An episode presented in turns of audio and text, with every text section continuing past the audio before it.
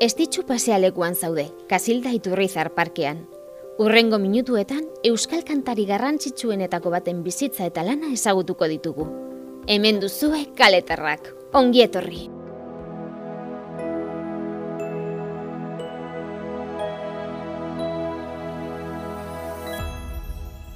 Kaletarrak. Ez ditxu Robles Arangiz Bernaola beskoitzeko urretxindorra ez izenarekin ezaguna. Euskal Herriko Joan Baez deitu izan zioten ere Euskal Kantuaren berpiztearen eragile nagusienetarik bat izan zen Euskal Herriko eta mundu mailako ahots ederrenetakoa aingeru batek bezala kantatzen zuen sei oktaba eta erdi menperatzen zituenez ba pala palasi eta gora ino joan ziteken eta goian eusten zuen denbora luzean timbre bereziarekin. Ez ditxu naturala zen, autentikoa, erreferentzia da musikari askoren arabera, musikazalean bihurtzean sartu eta antxe gelditu zen betirako, ez ditxu aintzindaria izan zen, sail askotan, Manu Robles Arangiz Eusko Alderdi Jeltzalearen diputatua eta ELA sindikatuaren sortzailearen alaba gazteena zen ez ditxu. Frank Dolosor kazetaria entzun berri dugu, ez ditxu dokumentala burutu zuena. Berari esker dakigu estitzu bere amarekin abesten hasi zela eta bere anaia arrebekin laukoteak ere osatu zituela. Oso gaztea hasi zen kantu lehiaketak irabazten eta berehala iritsi zitzaion ospea.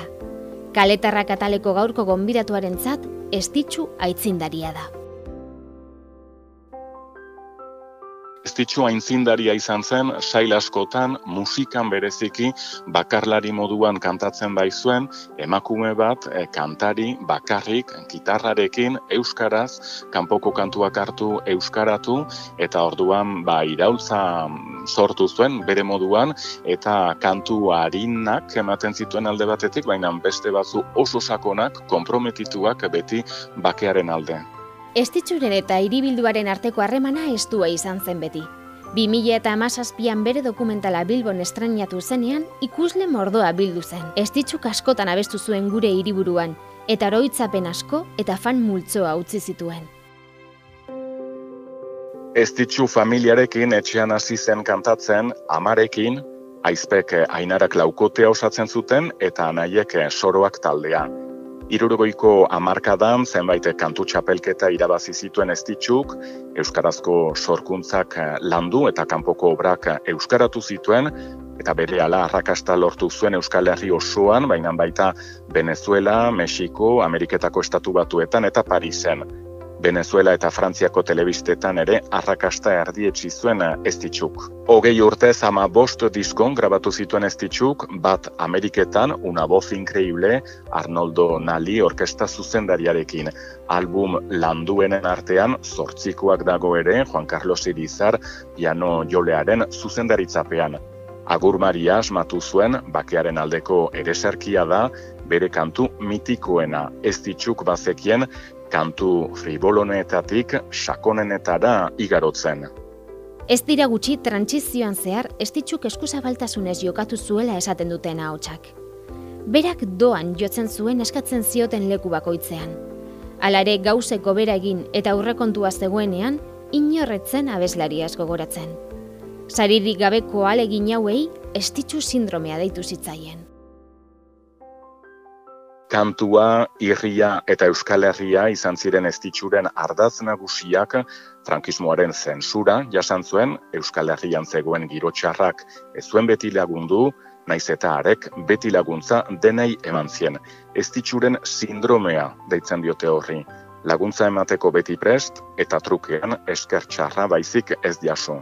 Alere publikoari kantuzaleei asko gustatzen zaie estitzu, Eta gaur ere, bere aipamenak erreakzio soka luzea sortzen du beti, Amerikarra, Frantsesa edo Espainola izan balitz, pelikula edo telesaila egingo zioten ez ditxuri, baina Euskalduna zenez ez du horrelakorik izan, publikoaren maitasuna ordea bai.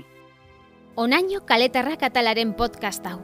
Ziur berriro ere emakume izena duen beste kale batean aurkituko dugula elkar. Badakizu podcast hau nahi adina eta nahi duzun tokitik entzun dezakezula urrengor arte.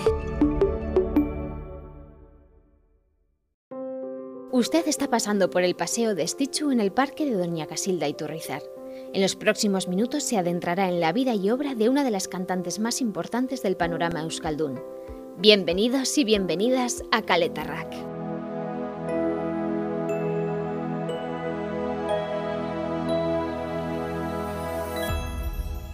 Kaletarrak.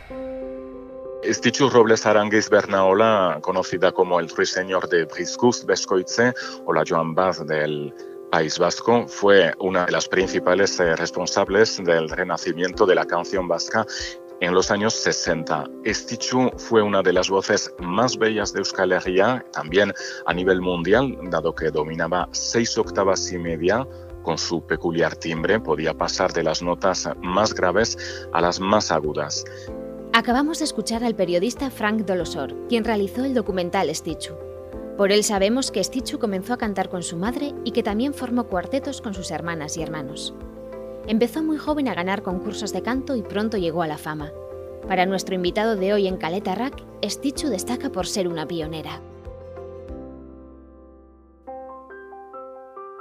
Lo más importante de Stichu es que fue una pionera, una de las primeras mujeres eh, en cantar como solista con una guitarra y atreverse a cantar desde las canciones más frívolas hasta las más comprometidas y aportar eh, un mensaje eh, musicalmente, pero también a, a, favor de la paz en el País Vasco. La relación de Stichu con la villa siempre fue estrecha. Cuando en 2017 se estrenó su documental en Bilbao, la presencia de público fue abrumadora. Stichu actuó muchas veces en nuestra capital y dejó gran recuerdo y una playa de fans. En Bilbao ganó varios concursos musicales y solía ofrecer eh, conciertos en las salas de espectáculos de moda en los años 70. En las primeras ediciones de la Semana Grande organizaba conciertos que abrió para cantantes de Iparralde como Nico Echarto o Ramón Martí Corena.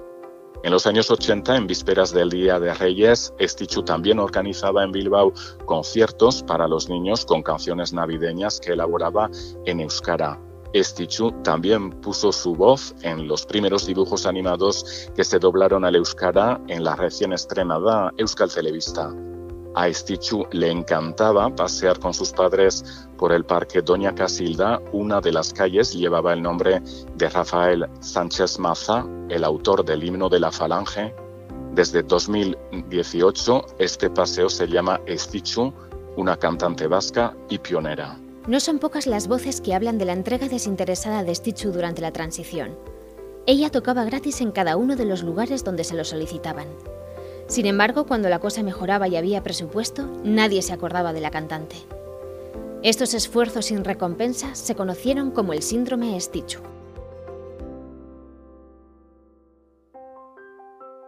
La canción, el humor y el país, el pueblo vasco, marcaron la vida de Estichu. En pleno franquismo sufrió la censura de la dictadura y las tensiones entre diferentes puntos de vista políticos, pero Stichu siempre estaba dispuesta a ayudar a los demás sin pedir nada a cambio. Algunos hablan de síndrome Stichu. Hoy en día, mencionar su nombre, el nombre de Stichu, provoca numerosas reacciones. Eh, su voz no deja indiferente a nadie. Si hubiera sido americana, francesa o española, Stichu hubiera sido la protagonista de películas musicales. Hasta aquí este podcast de Caleta Rack. Seguro nos volveremos a encontrar en otra calle con nombre de mujer. Ya sabe que puede escuchar este podcast cuantas veces quiera y desde donde quiera. Hasta la próxima.